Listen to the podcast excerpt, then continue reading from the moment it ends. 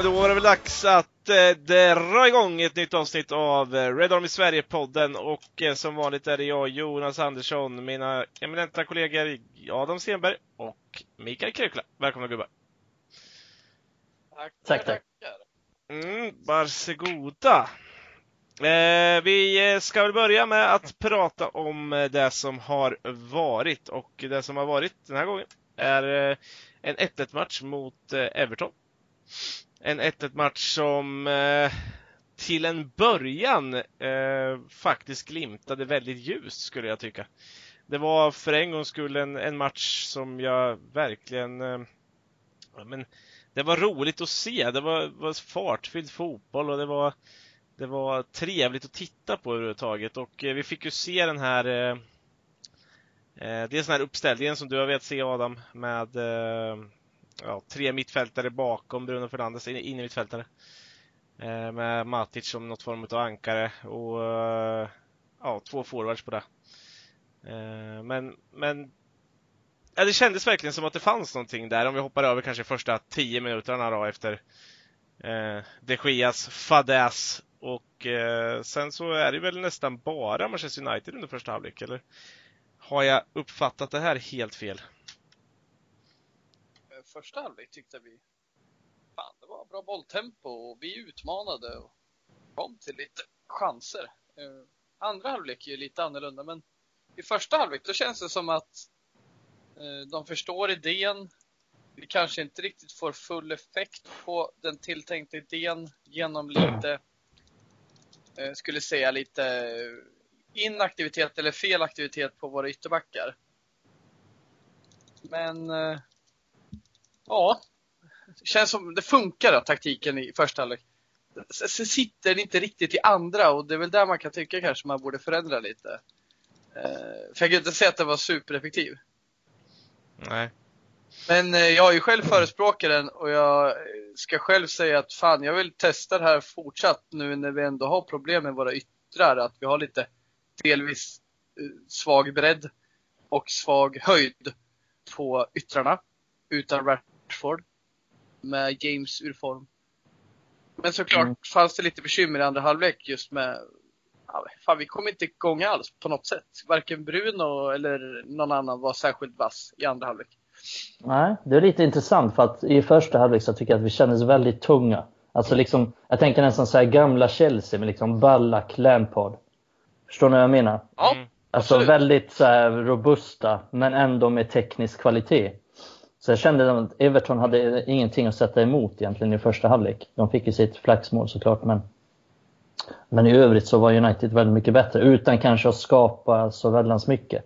Men i andra så tycker jag, alltså då vann de den fysiska kampen. Det blev mest avbrott och bök och stök liksom. Det var, jag förmodar att det var det de ville få till också. Mm. Och de fick ju lite eh, matchen dit de ville. Lite längre bollar på Kevin Lewin som vi hade problem med.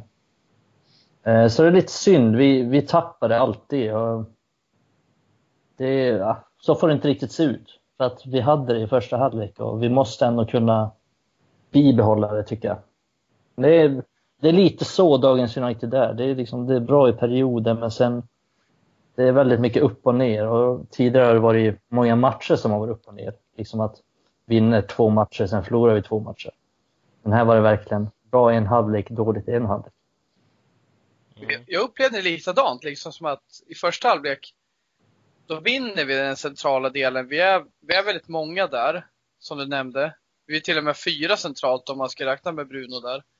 Och jag förstår din parallell där Chelsea en gång i tiden, Ballack, Essien, Mm. Lampard, liksom väldigt centrerade, väldigt starka och högt uppe spelarna i plan för att och vinna boll där.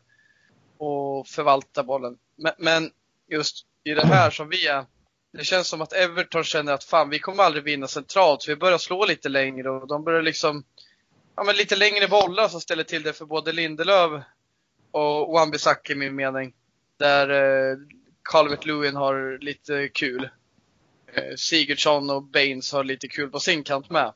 Även fast jag tycker Sigurdsson verkligen har tappat dem. Men Mm. ja, de- de är smarta där Everton och vi, vi greppar inte riktigt än. Och vi får inte ner bollen centralt igen i andra halvlek och börja spela den tempostarka fotbollen vi har. Så. Han är en, en smart tränare i Ancelotti. Eh, ja, vi fick verkligen inte igång någonting alls. Det, det är ändå anmärkningsvärt. Det, det är inte ens liksom så här 10 minuters period eller någonting vi fick igång något. Utan jag tyckte verkligen att vi fick inte igång någonting alls. Alltså det var väldigt få, få gånger där vi kunde spela oss igenom eller där vi hade något slags lugn i spelet. Utan det var mest bara kamp hela tiden. Mm. Och tyvärr så fick vi inte med våra anfallare alls. Vi hade ju två anfallare för dagen i princip. Mm. Och vi fick inte med dem alls i matchen. båda det, var egentligen lika dåliga. Det var ja, de det alltså. kan man ju säga att fick de för lite bollar? Ja, de fick inte jättemycket att jobba med. Men de kanske inte visade sig tillräckligt mycket heller och kanske inte gjorde tillräckligt mycket av det de fick heller. Nej, nej, och jag är beredd att hålla med där också. Jag tycker återigen att det är så här.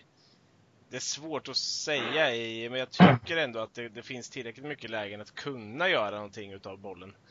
Eh, som nästan inte blir någonting. Det är väl klart att Greenwood och Martial in, in ehm, inblandade i, i, i, vissa sekvenser. Framförallt kanske i första halvlek så är de väl ändå lite inblandade. Men tittar mm. vi till andra där, ja men de enda gångerna som ni säger som det faktiskt händer någonting för United, om man ska säga enstaka situationer som du säger Mikael, det, det är ju inga perioder där vi har något bra, utan det är enstaka Nej. situationer, det är när vi faktiskt hittar in på Matic eller Fred i mitten. För där var det nästan hela tiden ganska tomt, men Everton lyckas ju verkligen med vad som ses i alla fall om man, om man, när man då tittar på matchen som deras taktik ändrar. Det här att trycka ut United och försöka gå längs kanterna för att de kanske blottade våran, våran svaghet i taktiken och det är ju att vi kanske inte har det mest kreativa, de mest kreativa ytterbackarna. De, de hittar inte det allting. De hittar inte på det här lite oväntade. Utan i det här fallet så var ju Bruno tvungen att väldigt mycket slicka kanter hela tiden för att vi skulle hitta fram. Eh, Fred var uppe och löpte och slog inlägg och eh, ja, lite sådär. Eh, så att det var ju det, det kändes ju på något sätt, precis som du säger, de, de, de, de, de brunkade sig igenom andra halvlek Everton förtjänstfullt och kanske borde också även ha vunnit matchen på det. Ja, de skapar fler farliga chanser än vad United gör. Kollar man XG så, så förtjänar de att vinna, alltså expected goals. Så spelas den här matchen om liksom, så vinner de den.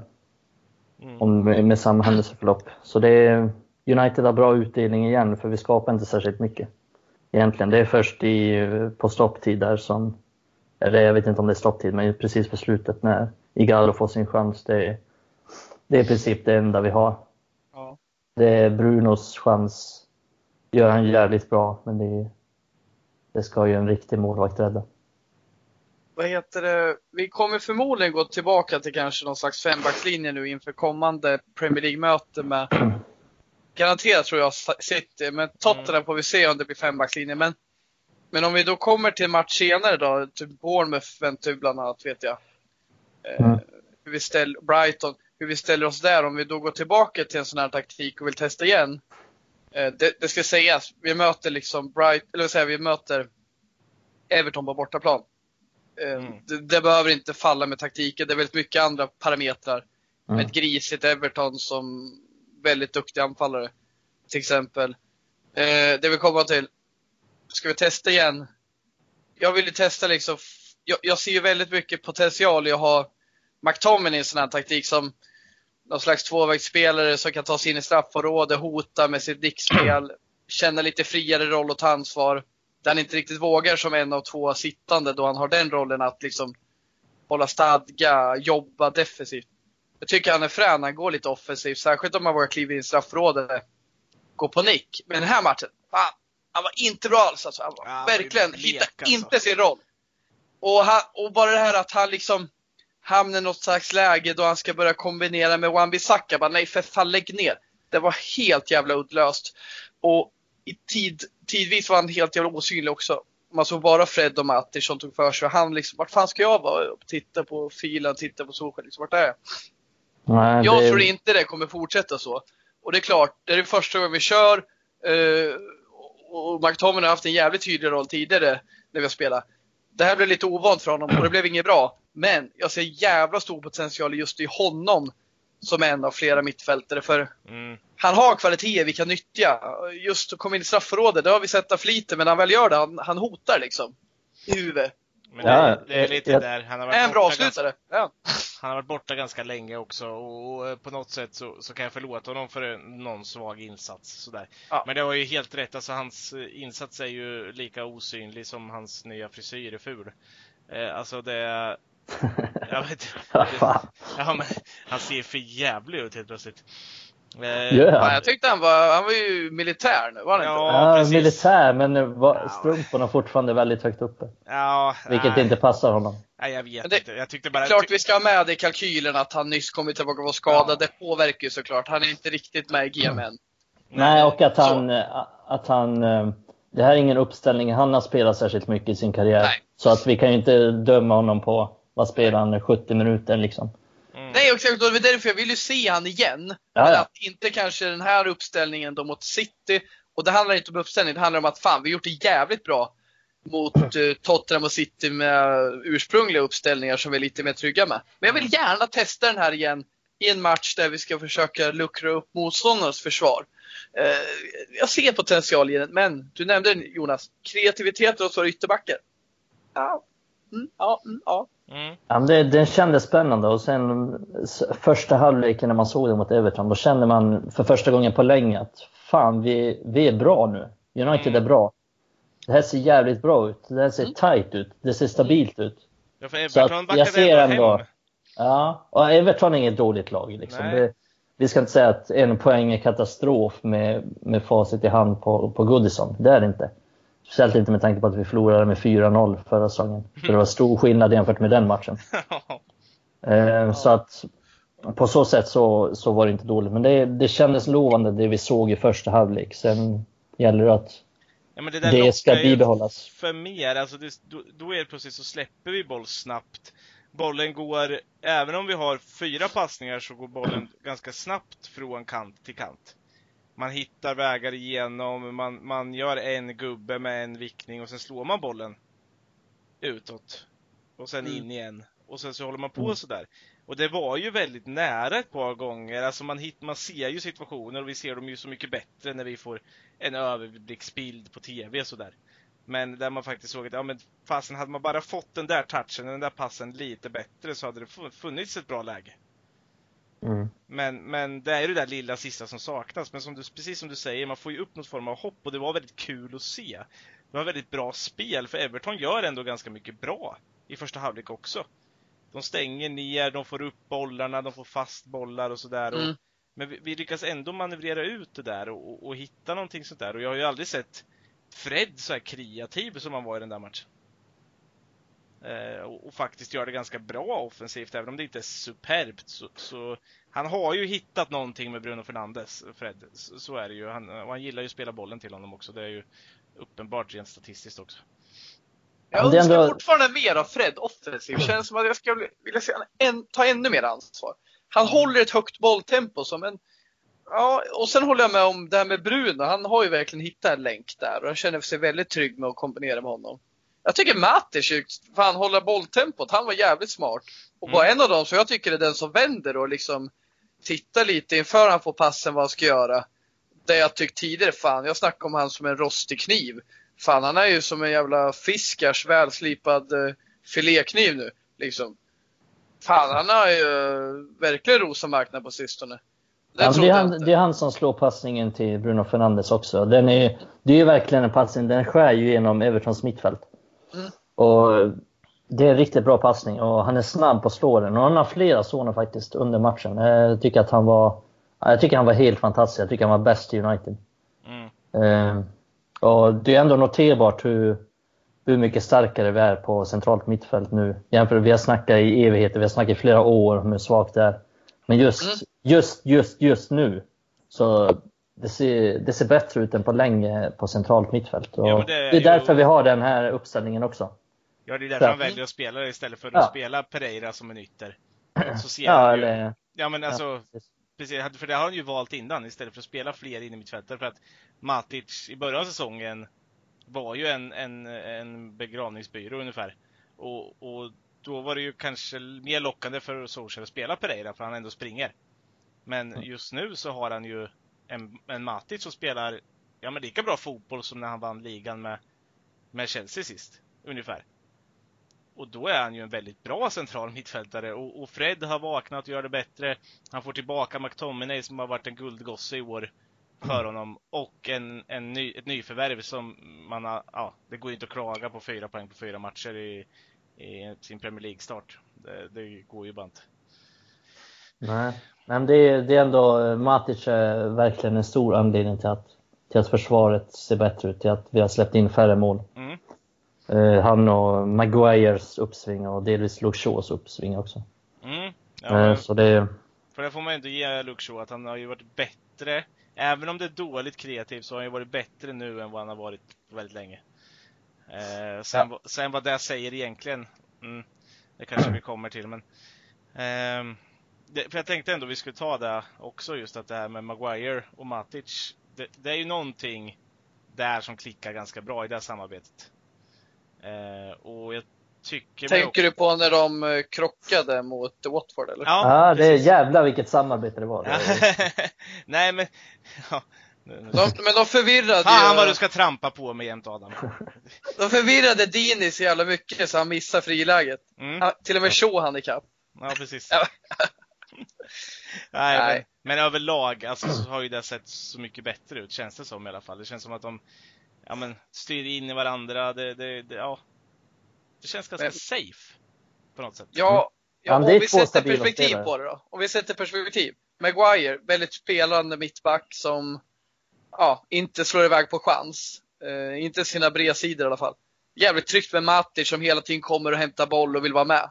Gömmer sig aldrig. En sån här som Pereira, lite mer lyxlirare, gömmer sig lite, eh, är lite trög.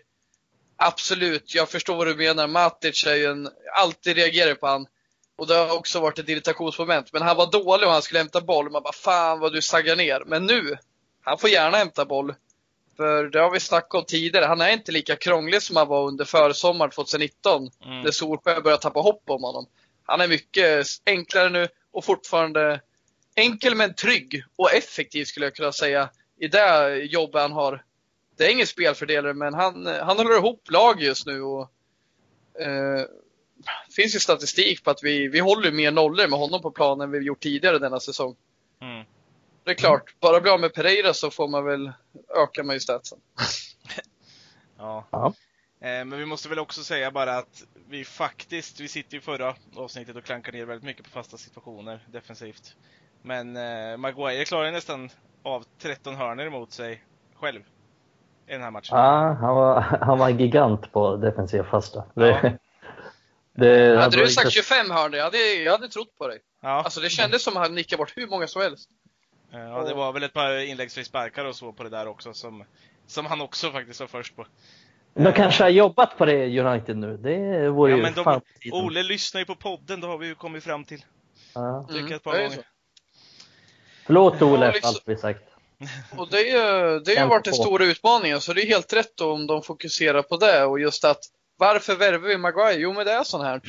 Mm. Eh, utan Maguire i den här matchen och förra säsongen, jo men då har vi haft problem. Vi har en mm. jävligt bra nickspelare och det här, nu får vi valuta för honom.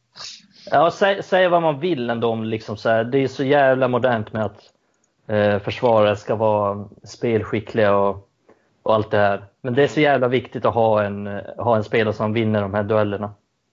Ja, och det, det har vi i Maguire och det, det ska inte underskattas ändå för det är, det är så jävla viktigt att ha.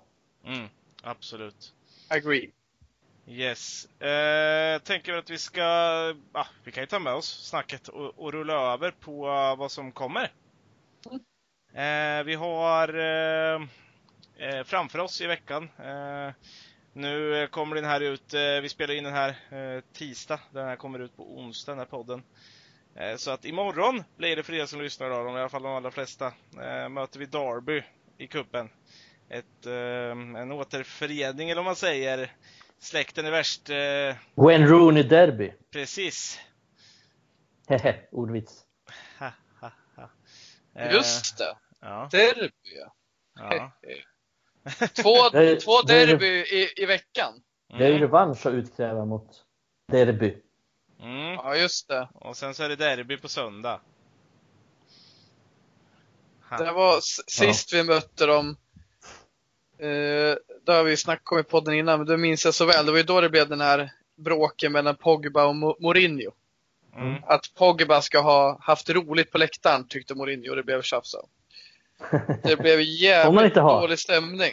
Nej, och så kommer jag ihåg att Greenwood stod skit, såg skiträdd ut i bakgrunden när de filmade träningen. Vad fan gick Greenwood tänkte då, det är fan, jag ska inte ha förlängt med den här klubben. Nej, precis. ja. Nej, nej, nej, men det stämmer ju. Eh, precis som du säger. Jag, vad heter det?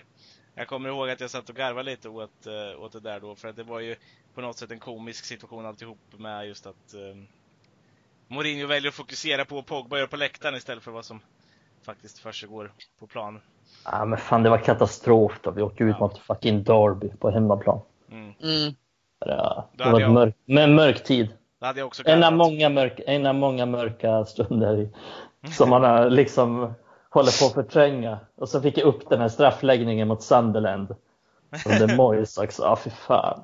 Nej, vi lägger ner podden nu. Bryt! ja. Ja. Nej, men eh, om, vi, om vi tar, börjar med Derby då, innan vi går vidare till eh, derbyt mot City som är på söndag.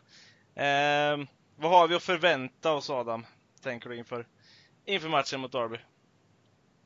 alltså, när vi mötte dem förra säsongen, då såg de riktigt intressanta ut med eh, numera Premier League-profiler som Harry Wilson och eh, Mason Mount och Fikayo Tomori.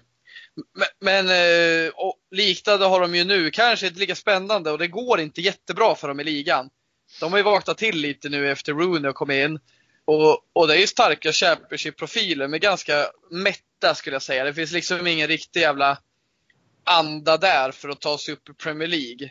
Jag tror många har vaknat till nu med Rooney, men liksom är han skadad så tror jag det slocknar igen. Och det är väldigt mycket mättnadskänsla i laget. De har en del ex-Premier League-profiler, liksom Tom Huddlestone och sådär. Och det, det krävs till det här lilla extra. Sen hade de en jävla skandal tidigare år som inte gjorde något bättre. Jag vet inte om ni har hört det, men Mm. jag tror det var Richard Keo Mm. eh, och sen han det. talangen på anfallet, vad heter det? Skitsamma vad han heter. Eh, men, och sen var det någon till. Eh, Det var ju Tom viktig. Lawrence, Tom Lawrence ja. gamla United-spelaren. Ut och super och sen gör ju Keo som är lagkapten i laget sen skitlänge tillbaka. Det är en av historiens, eller en av deras bästa spelare i modern tid. Skadar ju sig och de liksom, han får ju kicken av klubben. Ja, han, han skadade knät så att han blir borta Ja. resten av säsongen. Tack Mikael, exakt. Det Han är är, borta för resten av säsongen. Och, och det är ungefär som att vi liksom tänker att Valencia super till och bryter knät och sen, ja men fan. Tack och hej Valencia efter tio år. Liksom, förstå den chocken. Man har ju affektion till Valencia precis som de har till Keo. Eh, Så det har varit lite struligt, men det förtäljer ingenting. De har varit rätt dåliga överlag. Mm. mm, ja, det har han. och, och nu att de är FA-cupen, ja. Som jag brukar tänka när man tippar bland annat, ja. Är du ett mittenlag i Championship, du brukar satsa på FA-cupen. Är du ett etta, tvåa, då kanske du kan vila spelare i FA-cupen. De här har anledning att satsa på den och det lär de göra nu med och göra en, eh, kanske årets match, men kvaliteten bristfällig. Men Rooney, vad fan. Han kan göra mål från halva plan. Det ska bli häftigt att ta emot honom igen. Pride Mm. Park, det gillar jag också. Det är en jävla fin arena. Ja, det, det var ju jävligt stökigt där. Men det är väl en stor anledning till att det har gått som det har gått för dem också. Eh, han tog ju det till, till rättegång också, tror jag. Richard, Richard. Fan. Eh, så det var ju väldigt stökigt kring det där. Ja. Eh, ja, jag, jag förstår att han känner sig lite, med tanke på att de andra är kvar liksom i klubben och så. Mm. Jag tror inte ens det var han som körde heller. ja, Eh, de har väl ingen tokstark ledare i Philip Cocu heller. De liksom, Nej, de vet lite suspekt där. Eh, Filip Cocu också. nu. Men ja, eh, de har ju några gamla rävar som du sa, så det, är- det är ju liksom ett lag som inte kommer vara särskilt nervösa, om man säger så. De, de har rutin i laget. mm, Så ja, det... Nej, jag håller med det du säger, att de, de kommer nog satsa mycket på den här matchen. Och Mm. Jag tror inte det blir någon enkel match alls för United. För jag tror inte Ole kommer satsa så mycket på den där matchen. Jag tror han kommer byta ut typ hela elvan. Mm. Eller stora delar av den. Han kommer ju satsa på matchen mot City. Så Ja. det kommer ju det kommer ju vara, han kommer lägga in, han kommer inte spela dåligt lag, men han kommer lägga in Pereira, han kommer lägga in eh, Bali, han kommer lägga in eh, Jesse Lingard och han kommer spela Dalot kanske och, och Romero och Brennan Williams. Han kommer spela liksom de som är på bänken, Juan Mata. Mm. Eh, det blir så. Jag Ja. tror han kör Igalo, James och Greenwood på topp. Och Ja, James, James spelklar spelar. ska vi säga. Han är ju... Han var ju, han är lite osäker. Han, han hade, för, alltså, det är fortfarande lite oklart vad det är för skada, men han var ju borta nu sist på grund utav en smäll. Oklar, oklar känning eh, efter någon smäll.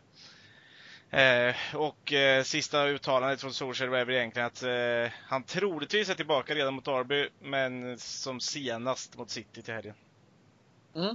Ja, men jag tror att han startar. Mm. Jag kan, jag Men, kan eh, tro att i startar före kanske, för just för att han har varit skadad och att han inte vill chansa. Men eftersom James också varit ganska bra i de här matcherna mot, eh, eh, Ja. mot topplagen. Så att det ja, finns, det, ja, det kan jag köpa. Det kan jag köpa. det finns, en, finns faktiskt en ganska stor chans att han eh, spelar mot City. Mm. Ja, det mm, nu när du säger så, jag tänkte inte på det då, men under U23-matchen så blir Chong utbytt med kvarten kvar. Så det Mm. Någonting i det. Ja, men är det någon match Chong ska spela så är det ju faktiskt den här då. Eh, Ja, ja, det blir inte så många andra matcher han får spela. Jag tror inte, inte just han liksom. Nej, men inte liksom någon ungdom heller. Så att, eh, det är väl den här matchen i så fall. Någon Mm. av dem. Jag tror ju, sa- jag vet inte om du sa det, men jag tror ju McTominay får spela den här matchen också. Ja, det tror jag. Eh, han behöver, behöver minuterna. Mm. Eh, men däremot så det, finns det stor chans att vi ser Pereira, Lingard, Ja, jag är ganska säker på att de spelar. eh, Det samtidigt, kan som man tycka vad man vill om. samtidigt som man kan känna att vi har roterat rätt mycket nu och ska vi behöva rotera så mycket hela tiden. Eh, li, lite ska de väl klara att spela också. Sen är det väl Ja. dumt då, vi har ju haft problem med skador så varför chansa? Det är lite dumt också. Mm. Det är fan vad konstig tid den här matchen. Torsdag kväll. Men det var att Eh. vi fick söndag och inte lördag då. Ja, det är jävla Europa League. Mm. Vilket innebär alltid söndagsmatcher i princip. Men ja, eh, nej, jag förstår vad du menar. Man ska inte behöva rotera så mycket, men jag tror att det är så han kommer resonera för att City-matchen är jävligt viktig. Mm. Eh, känslan är att han, Ole bryr sig mer om ligan än om Europa League. Tror vi kan få se. Toan Sebe då? Han var väl med sist i, i U23? Mm. Ja, det är inte omöjligt. Eh, det blir väl eh, förmodligen han och Bailly eller, eller Phil Jones och, och Eric. Mm. Ja, vi får se, men det, det kan absolut vara aktuellt för. Hade ju varit väldigt trevligt att se Ethan Laird istället för Diogo Dalot, för han har ju inte gjort en kotte glad sedan han kom tillbaka. För. Ah, nej, eh, ja, nej, jag håller med. Eh, det hade jag också gjort, men Ethan Laird är skadad så att det är inte aktuellt. Nej, där har jag missat något faktiskt. Mhm. Mm. När skadade han sig? Eh, ja, bra fråga. Mm. Eh, det vet jag inte. Någon månad sedan. Du ser, det är som du alltid har sagt. De är dåliga på att rapportera om uh, ungdomsspelarna. Ja, men det är de. de. Rapporterar ingenting. Det, är liksom här, det här får man gräva i själv. Man får Mm. gräva jävligt djupt ska jag säga. Men det han är tydligen skadad. Han hade, han hade någonting i benet slash knät eller någonting som var inlindat. Och, eh, det verkade vara... Det är ett tag sedan han har spelat. Så att Mm. Men... Det eh, han Ringer du aktuell. grannen till Laird eller? Ja, men typ så. Man ringer grannen till er. eh, Rykten Ja. på stan liksom. Nej, men det, det finns några som har, som har lite koll på ungdomslagen. Det är inte många, men nej, men Fosumensa kan de istället rapportera hur mycket som helst. ja, han kan vara aktuell. Ja, det skulle han kunna vara faktiskt. Han eh, är ändå tillbaka och tränar. Så att, Ja, han spelade med, med U23 i, i måndags. Så att, den gode Det var inte länge sedan eh, eh, Solskär hänvisade till honom som ett alternativ på mitten. Ah, fy fan vad skönt ändå att vi fått in då Bruno. Men han sa det, då tänkte jag, fan det är helt jävla kört liksom. Och för, för det han säger är att vi har honom som alternativ. Och Vi då har behöver vi inte förstärka. Vi har Fosemensa, vi har Pereira. Det är lugnt. Ja, ja, ja, vad skönt att det inte blev så. Mm. Fosumensa, man vet ju knappt vilken position man vill spela på. Alltså han har ju inte hittat sin riktiga roll än. Det är väl högerback då, men... Ja. eh, Eh, Han ja, har, han har, alltså jag kan säga så här, han har ingen framtid i United. Det skulle vara mittbackspositionen om han kan utveckla några egenskaper till. Liksom det, Ja. är det är enda framtid. Han är för dålig tekniskt. Mm. Ja. Ja, inte för att Fambisa- Fambisaka är någon, är någon stjärna, men, men äh, Fosemensa har väldigt stora brister om man ska säga rent som högerback. Han platsar fan inte i Fulham eller Crystal Palace som högerback. Så han ju knappast United. I Fulham spelar han mest mittback. Ja, och tills tränaren fick kicken. Mm, precis. Det var väl... Eh, vem fan var det som hade dem? Nej, jag kommer inte ihåg. Eh, Eh, Bilic. just det. Nej! Nej, Jokanovic. Jokanovic. Ja, exakt. Eh, fel jugge. Ja, precis. Ehm, ja, nej, men det känns väl svårtippat mot uh, Derby. Det är ju... Ja, Mm. Lite sådär. Men med tanke på tippning bara så är det väl bäst att slänga in en brasklapp för att alla tre hade rätt mot, uh, mot Everton. Ja, det var någon som nämnde det såg Ja, jag i, liksom på, I- på vår Facebook-sida. Precis, i kommentarerna där. Det var då Ja. fan att ni ska tippa så jävla bra i podden. Ja, 1-1 det var det första gången. Vi satte ett... Ja, just det. Det var det jag fick skit för av Adam. Bara, du kan inte tippa samma. Bara, jo, men det kommer ju bli 1-1. Så fan, Ja. Vem var det som började säga 1 nu igen? Ja, det kan ha varit du Adam, men jag är inte säker. Vi får nog ta en replay på det. Det känns bekant. Ja, det, det var givet. Varför tippar jag inte på det? Jag hade kunnat vinna pengar på det. Ja, Ja, nej, för vi är sämst på tippat. Vi aldrig har rätt. Det är väl därför. Mm. Eller vi. Jonas har ju bra tipp. Ja, jag och Mikael, vi sitter ju bara och gissar för fan. ja, 100% på känsla. Ja, Ja. det är bra. Men på U23-matcher vinner jag ofta pengar. Det är en jävla guldgruva för om man har någorlunda koll. Mm. Det var ju kan rätt jag lätt, säga. det var rätt lätt att vinna på pengar på att spela på kort mellan United och Everton i alla fall. Det blir ju alltid minst typ sex kort i de där matcherna. Lagen emellan. Ja, några, fan vad domaren var dålig nu när vi Ja. Eh, Några skitkort. Luke Shaws kort och Maguires kort. eh, Han lottar fram. Eh, Freds kort blir ju löjligt också eftersom den Ja, inte är så nära att tappa handen. Ja. Eh, Jävlar vad skumma. Ja. Mm. Ja, Ja. precis. Eh, nej, men vad heter det, ska vi ta City också då, när vi ändå håller på här? Det är ju ett derby på söndag, en eh, match, eh, ja, som, som tyder på, om man ska titta nu statistik sista tiden här, att vi borde få stryk då eftersom vi slår City på bortaplan och de slår oss på Old Trafford. Eh, och den här matchen spelas ju på Old Trafford, så Ja, jag känner ju inte jättestora förhoppningar sådär, även om, även om det känns bättre än vad det gjorde sist vi mötte dem. Rent eh, materialmässigt på, med spelare och allting sånt. Ja, jag är optimistisk ska jag säga. Ja. Här, vi hade ju en jättebra match på Etihad i, eh, i december. Mm. Och så mötte vi dem i första av två matcher i ligacupen och åkte på ett stordäng och man var helt förstörd. Eh, jag kommer ihåg att jag somnade på soffan, eh, typ all, ja, fullt munderad som man är när man somnar i soffan och sen liksom vaknade upp med jävla ångest. Liksom. Jag, var så jävla, jag somnade från studion, jag jag var så jävla bitter. Men när man tittar på det här i efterhand. Vi vann ju andra matchen och visst, det var ju, gjorde ju ingenting mer än en vinst. Men vi hade Maguire tillbaka, vi var mycket bättre. Men lyssna på den här uppställningen vi hade mot City. När vi förlorade med 1-3. Första matchen i cupen. Vi hade alltså Pereira och Fred på mittfältet. Vi hade Jones som mittback bredvid Lindelöf. Och vi hade Lingard som tia. För han hade ju kvar gamla meriter från Etihad. Där han var skitbra, ska sägas. Mm. Men i ligacupen var han kass. Sen vann vi ett Nu har vi alla möjlighet att spela något liknande spel vi hade på Etihad. Eh, vi kan köra McTominay och Fred. Vi har inte Rashford visserligen. Men jag, jag, jag tror på det. Och jag säger, City är inte superbra i år. De är ett starkare lag än oss. Men de lider när de möter oss också. Och att vi fick storstryk mot dem då vi var värdelösa, ja. Kolla på laget vi hade. Jag kan inte säga att Ole gjorde någon superinsats den matchen. Det gjorde fan inte det laget vi hade heller. Men jag säger det, vi kommer aldrig mer kanske behöva, fan vad säger jag så här, som jag hoppas vi aldrig mer ska behöva ha Pereira och Fred tillsammans på ett mittfält.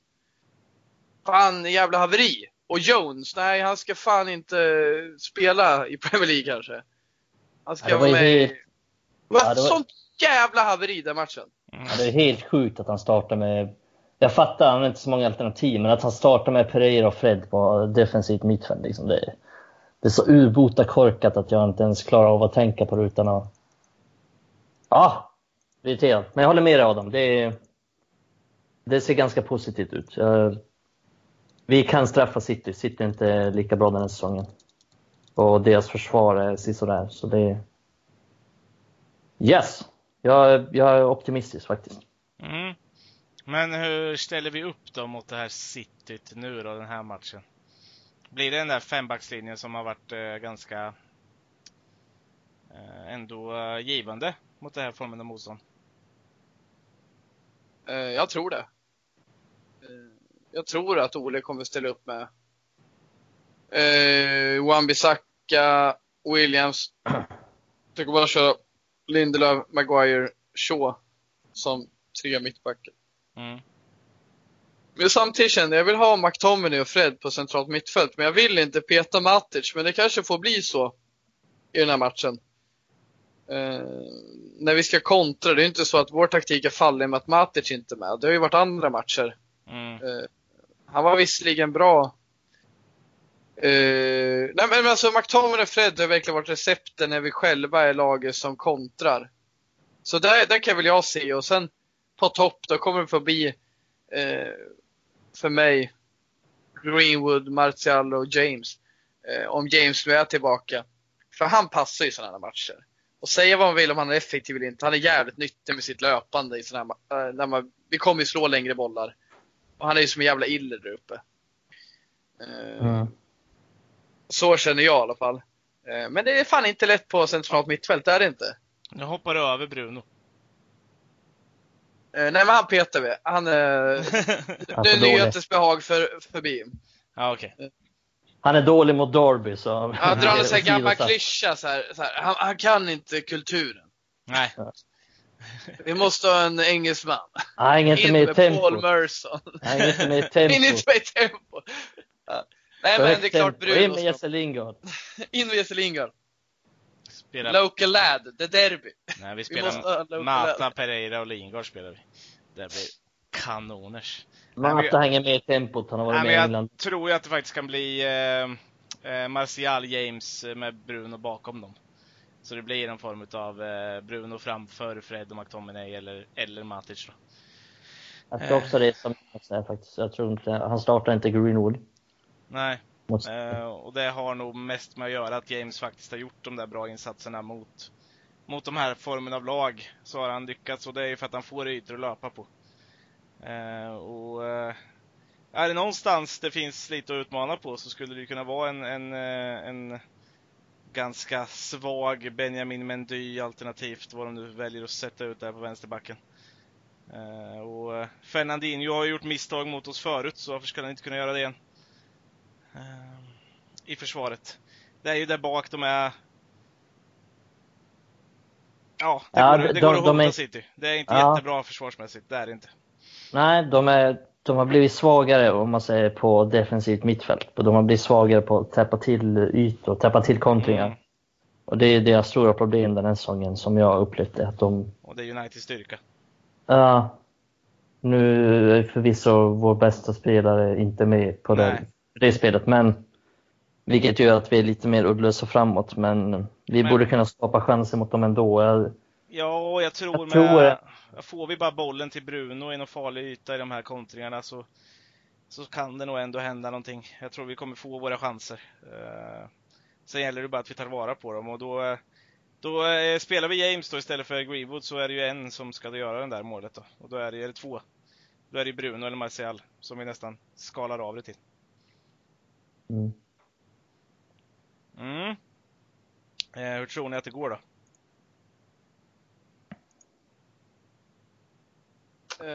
Jag tror det blir 2-1 United. Fan, precis vad jag skulle säga. Men säg det då! Det gick ju bra Att sist. det blir 2-1 United. Ja, det blir 2-1 Eh. United. Ja, det är ju, Greenwood kommer in och avgör faktiskt. Det står 1-1 eh, ganska länge, sen avgör han i 77 minuten. Mm. Bruno Greenwood kän- säger jag. Ja, Mm. fan säger jag Sam också. Fan är det här? Jävla korrupt podd.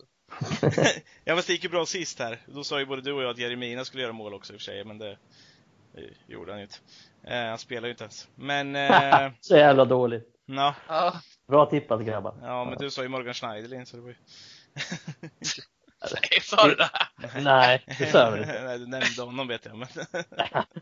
Jag nämner alltid Morgan Schneider. ja, nej, men, Nämnvärd. ja, Jag är stor, eh, han satte stora avtryck i United så att, Nej men det blir 2-1, men det är eh, Det är eh, Martial som gör ett och så kommer Luke Shaw täppa till eh, truten på dig sen, Mikael. Och gör ett. och med benämningen utav Luke Shaw så har väl vi ett ämne som vi skulle vilja diskutera idag, eller? Mm, och vi ska väl som sagt flytta över då till eh, Ja, där vi brukar ha våra frågor, men eh, de har vi faktiskt valt att putta undan eh, återigen en gång då för att eh, få in ett form av ämne istället. Och ämnet idag som vi har lyder faktiskt ytterbackar. Ytterbackar, en position som man eh, inför säsongen lyste som, eh, ja, inte ett större problem. Nu sitter vi där med eh, Luke Shaw, Brandon Williams som kanske de uppenbara valen på vänsterbacken. Eh, Van Bissaka, Diogo Dalot som de kanske två mest uppenbara valen på högerbacken. Sen har vi väl haft visserligen vissa som har vikarierat under säsongen här och där, men eh, det är väl ändå de uppenbara valen vi har. Och eh, i en formation som när vi spelar mot Everton så är väl den en, en källa utav att eh, det krävs rätt mycket från den positionen. Eh, då, då hela kanten ska vara deras egentligen. Eh, eh, ja men så är det verkligen. Eh, om vi tänker på den uppställningen vi spelar mot Everton. Mm.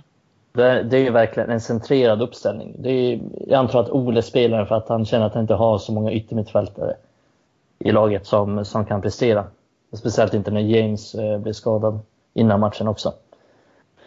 Så att eh, då blir det ju extra viktigt att ytterbackarna ska liksom äga sin kant. Och det kan man ju kolla på, gör de verkligen det? Eh, Luke Shaw till exempel, hur många krossar inlägg tror ni han har den här säsongen? Oj. Mm. Eh, 80 stycken kanske? 26 stycken. Gissa hur många Alexander Arnold har. Ja, men, ja. Jag antar att han har ganska mycket då. Nej, men, Mhm. vi säger väl typ 150-200. 300. Men är han bäst då eller? Eh, ja, han är bäst. Men eh, Ja. Lucas Digne i Everton har över 200 också. Oj. Så att det är många som ligger kring 100-200 Mm. krossar. Eh, Fambisaka har 73 stycken till exempel. Mm. Och det är... Fambisaka är ändå sån, han, han försöker ändå slå inlägg. Det upplever jag inte att Luke Shaw gör. Utan han, han kommer... Det ska ändå sägas att Luke Shaw har, har blivit lite bättre offensivt. Eh, Han kommer ju fram nu och han kommer på lite överlapp och så. Han slår några bra passningar. Men han kommer ju aldrig med något inlägg. 26 Nej. stycken på hela säsongen. Det säger allt. Utan han, han spelar hellre hem. Och, och Fambisaka, jag vet inte, jag får panik när han får bollen. Han försöker med några inlägg och så. Hans inlägg är inte så jävla dåliga. Utan, ja, de är inte bra, men de är inte så jävla katastrofalt dåliga. Nej, men det är inte inläggen Men- som är problemet där. Nej, utan det är att jag vet inte vad, han står mest på bollen när han kommer fram och ja, jag får så här oroskänsla i hela kroppen bara han, han har bollen på offensiv plan, plan för att det, det är så onaturligt allting och det är, Mm. han är ju så duktig defensivt, det är inte det. Men i den här formationen så måste vi komma fram med ytterbackarna och de måste verkligen äga sin kant. Mm. De måste vara, det är bara att kolla på alla moderna ytterbackar. Mm. Nu har jag bara kollat på, jag har bara tagit så här random ytterbackar. Bara kollat upp hur många assist och mål de har gjort i sin karriär och hur många assist och mål de har gjort den här säsongen. Eh, Shaw har gjort två assist. Nej, förlåt. Han har gjort 12 mål och 12, fan nu är jag full. Nej, han har gjort eh, ett mål och 12 assist i, i sin karriär. Ja. Och Van Bissaka har gjort 0 mål och 6 assist i sin karriär. Och Shaw har spelat kring 200 matcher och Van Bissaka 100 matcher. Så kan man kolla till exempel, eh, Jordi Alba har gjort 70 assist och 25 mål i sin karriär. Um, Alexandro Juventus 24 assist, 10 mål. Marcus Alonso i Chelsea gjorde två mål bara förra matchen. Um, Reece James som har spelat 24 matcher i, i Chelsea hela sin karriär, gjort tre assist och två mål. Kolasinac i Arsenal, högst medelmåttig ytterback, 28 assist, 9 mål på 200 matcher. Ryan Bertrand eh, ska jag säga, tillhör nästan bottenskiktet vad gäller ytterbackar numera. 19 assist, 8 mål på 200 matcher. Alltså de är så, det är så löjligt mycket högre poängproduktion bara på de här spelarna än de vi har i United. Mm. Och det alltså vi, United har liksom ambitioner att vinna allting. Vinna Champions League, vinna Premier League. Och säg vad man vill, men United är ändå ett topp 5-lag, topp 6-lag. Men har så fruktansvärt mycket sämre ytterbackar produktivt Ja, men än vad alla andra har. Och det, är, det är skrämmande. Vi, vi måste kunna förvänta oss mer. Vi måste kunna ha bättre ytterbackar. Vi måste få dem att producera mer. Speciellt i den här formationen. För det, då blir de så viktiga. Och det är dagens fotboll. Det är bara att kolla på Liverpool. Med eh, Alexander Arnold, med Andy Robertson. Är, eh, Alexander Arnold har gjort 12 assist den här säsongen bara. Det är, mer än, det är lika många som Luke Shaw har gjort hela sin karriär. Men tittar man på det där, jag tycker det är väldigt intressant det du säger för att lägger man det i perspektivet till som du säger att man United vill vara ett lag som vinner allting. Eh, Mm. Tittar man på den moderna fotbollen som är just nu så är ju väldigt många ytterbackar spelfördelande ytterbackar också. Eh, sen finns det undantag om man jämför typ Afonso Davis som eh, i eh, Bayern München. En väldigt offensiv ytterback men inte så spelfördelande på det sättet. Men tittar man en Alexander Arnold till exempel, det är ju en spelfördelande ytterback. En, en ytterback med väldigt Mm. bra passningsfot, gör mycket poäng. Men alla topplag har egentligen väldigt bra poänggivande ytterbackar. Jag kan egentligen se ett som har ett sånt problem just nu då, och det är ju eh, som kanske inte har det, men de har fruktansvärd offensiv istället och det är ju Manchester City. Mm. Eh, för Kyle Walker är ingen, ingen poängmaskin, men han gör säkert mer poäng än våra. Men, Nej, Eh, men de har ju valt att spela honom lite nästan som en libero i, Mm. i många matcher. Speciellt mot United där han, ska, där han kommer in i planen och blir nästan som en mittback för att de vill täppa till i kontringen med tanke på att han är så snabb. Mm. Men det är kul att du nämner Alfonso Davis för att han har sju assist och två mål på 33 matcher i hans Bayern-karriär. Så Mm. det är ju ja, det är betydligt mycket mer än vad Van Bissaka har i hela sin karriär. Och, jag tror han är ytter i vissa matcher, men, men eh, nej, men jag kollade bara på var det bara ytterbacksmatcher? Ja, ja men då. Ja, så det är, Alltså- det är stor skillnad. Jag tycker det är jättefascinerande med, med just Shaw, för det är inte så att han inte kommer till lägena. Det är inte så att han har en begränsad roll i sin beskrivning att nej men du ska inte vara uppe och slå. Han står ju där och ett, jag upplever att han får läge men vänder hem för att han är begränsad i sin mentala styrka. Vågar det här? Eh, har jag ambitioner nog? Svar nej. Två, han tar ju inte tillräckligt med löpningar. Nu har han ju varit bra sista matchen visserligen, men generellt, han tar inte tillräckligt mycket löpningar för att komma till de här lägena. Och jag tycker när han väl gör det så är han ändå begränsad till att när jag slår inte inlägg, jag, back, jag stannar upp och slår hem den igen. Det är som att han är skadad av styret under Mourinho, att du ska inte ta några risker. Jag försöker hitta ursäkter, men alltså det är skillnad då. Vi, vi snackar om spelare som en Bertrand i ett bottenlag. Han tar sig i alla fall friheten att försöka sätta prägel på sitt lags offensiv. Mm. Men Shaw, han har begränsad ambition och det är någonting hans mentala styrka. Han, han vågar liksom inte. Och där ska ju ändå Wan-Bissaka, han har begränsad teknik och tar sig inte alltid till lägena. Men han försöker, och det nämnde du Mikael. Men Mm. Shaw, fan, 27, eller 26 stycken som du sa. Det är ju vansinnigt lågt. Mm. Och det bottnar ju direkt i hans mentala styrka, för han får möjligheter. Ja, han, han får verkligen möjligheter, men eh, det är som du säger, han är, han är väldigt försiktig offensivt. Han, han spelar hellre safe än att försöka sig på någonting. Nu kräver jag Det, är- det är beklagligt. Men har du sett någon skillnad på Williams eller har du fått fram någonting på Williams? Ehm, ja, nej, jag har inte kollat upp det Nej. så. Men eh, jag vet ju att Williams har gjort mål den här säsongen och jag Ja, vet det- att han det- har fixat straff och straffar till och med. Tror jag. Jag, jag kan ju tycka att det är straffar, mer, eller? han är ju ingen, ja det kanske det är till och med. Men han, alltså han är ju inte, han är mer lik om vi tittar då, om jag jämförde precis, eh, han är ju ingen Alexander Arnold ytterback, eh, heller. Han är mer en Afonso Davis i så fall. Som, Mm. eh, som, som löper mycket, löper in, tar sig friheten att ta sig in i straffområdet. Eh, och vill göra det varje gång. Mm. Eh, Men då, då ser vi att det, det är inget taktiskt förmodligen, utan det, det är hur Shaw är och hur Williams är. För när Williams har spelat under samma manager, Ole Gunnar Solskjaer, då har han liksom gjort mål och då har han, han missat upp ett mål också någon match. På Ja, träffar där. Och han har liksom tagit sig fram till de situationerna. Han har ordnat straffar, han har kommit med bra inspel och, och så. Eh, Så att det är ingenting taktiskt så. Utan det är att Luxor liksom, han har inte i sig. Han- Av någon anledning så, så vill han hellre vända hem. För att han, det är kanske för att han inser sina begränsningar men också för att jag vet inte, han kanske är rädd för att liksom göra bort sig. Lyssna på den här jämförelsen. Jag kommer ihåg en gång i tiden, då var ju Antonio Valencia en av våra bästa framspelare. Han hade en jävla fin inläggsfot och använde den hela tiden. Sen hände någonting med honom där och han, han slog rätt mycket taskiga inlägg och han började liksom bli osäker på sig själv. Eh, kommer tillbaka på Mourinho. Lite där, lite safeare. Eh, tar hellre och sula på bollen och slår hem den än att slå en boll på chans, vilket han gärna gjorde under Ferguson och fick mandat till. Mm. Jämför man det med Shaw, så liksom, jag kan ju inte säga att jag är inte blivit frustrerad över att Shaw slår för mycket inlägg och att de är, tass, de är dåliga och sådär. Det Nej. finns ju liksom ingen risk att han har fått höra att fan du, du sumpar för mycket chanser åt oss. Det sitter ju i hans egna mindset.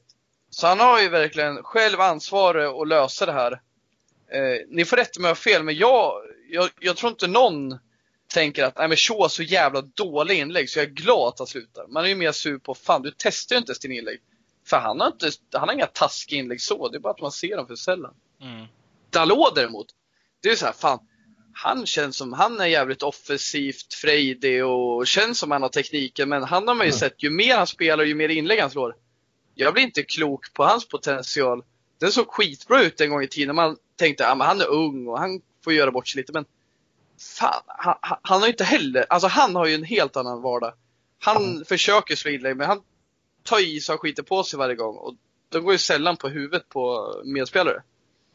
Nej, det- Fast- Ja, de är riktigt dåliga. Jag tycker nästan han är den sämsta utav alla, alla de vi pratar om. Så om man också lägger in de defensiva egenskaperna i det, eh, plus de offensiva. För han, han skapar ingenting framåt och, och är totalt bedrövlig bakåt. Så jag, egentligen vill jag inte ens räkna med honom när vi räknar ytterbackar. Men det, det, nej.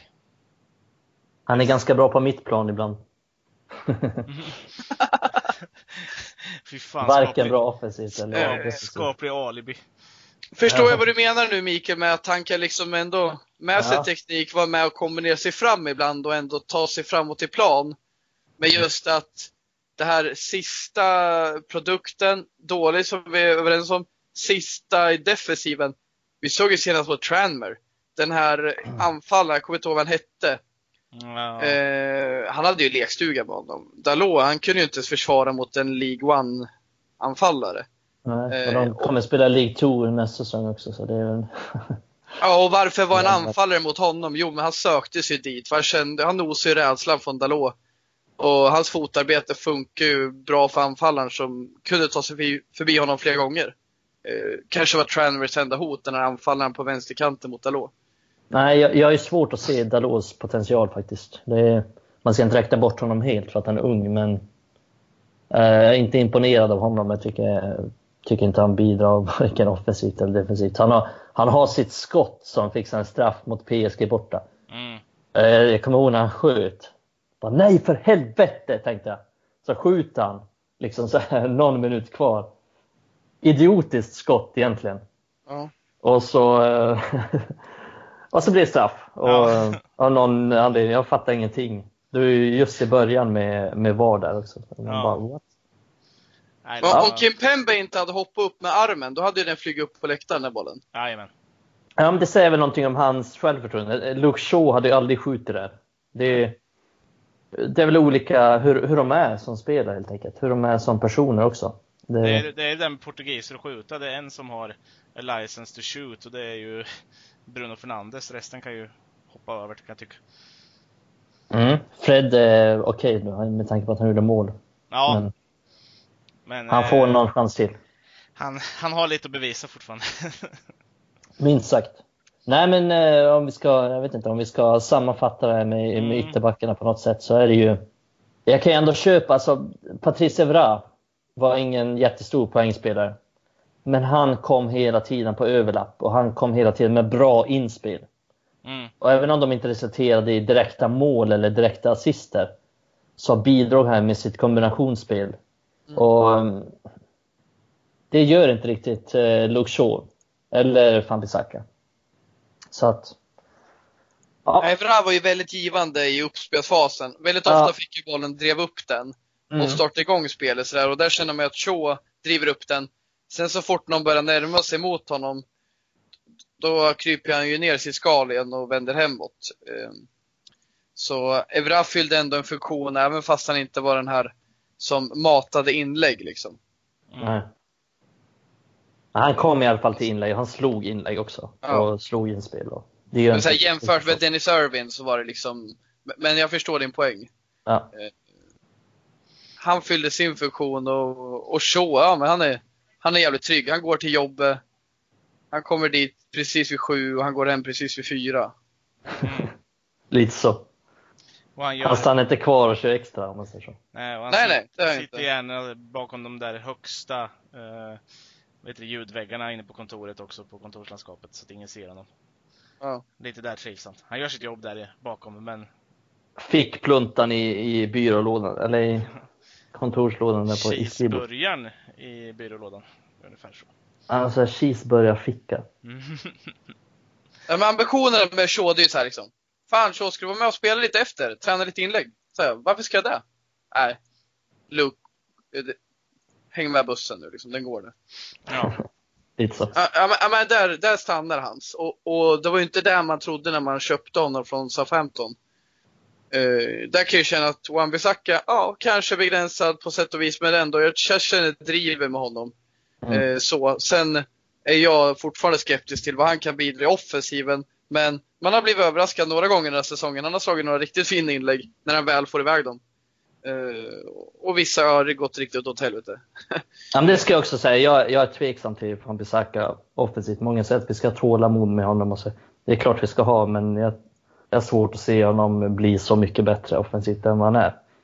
Lite kan han utvecklas såklart, men Nej, men det, det känns ju som att vi faktiskt, om det finns pengar över sen i, i sommar efter att ha värvat lite mer på mer akuta positioner, eh, eller förstärkningar, så, så känns det som att det ändå är en, en utmanare till Van Bissaka eh, som kanske är mer offensiv hade varit något. Och eh, ja, möjligtvis en ersättare till Luke Shaw för jag ser ändå Brandon Williams som, som någonting väldigt bra. Ethan Laird, om man kan hålla sig skadefri. Mm. Där har vi en utmanare till van Bissaka. Yes. Ja, liksom lärd måste ju få spela för att kunna bli fullärd. ja. Ja, och med det otroligt torra skämtet så, så vill jag tacka er gubbar för dagens podd och jag vill även tacka lyssnarna för att ni har lyssnat. Känner ni er nöjda med dagen? Absolut. Mm, ja bra. Och eh, innan vi slänger på det här för idag så eh, passar jag på igen att eh, öppna för att ni ska följa oss på Facebook, Instagram, Twitter, men även eh, Ja, tryck på den där lilla följknappen på Spotify. Om ni inte lyssnar på Spotify utan lyssnar på Acast, tryck på den lilla följknappen där också. Eller så gör ni det på båda. Och eh, för det tredje då, har ni en iPhone och lyssnar via iTunes och Podcaster så trycker ni på följknappen där. Eh, och jag tackar för idag, så hörs vi nästa vecka. Bye bye!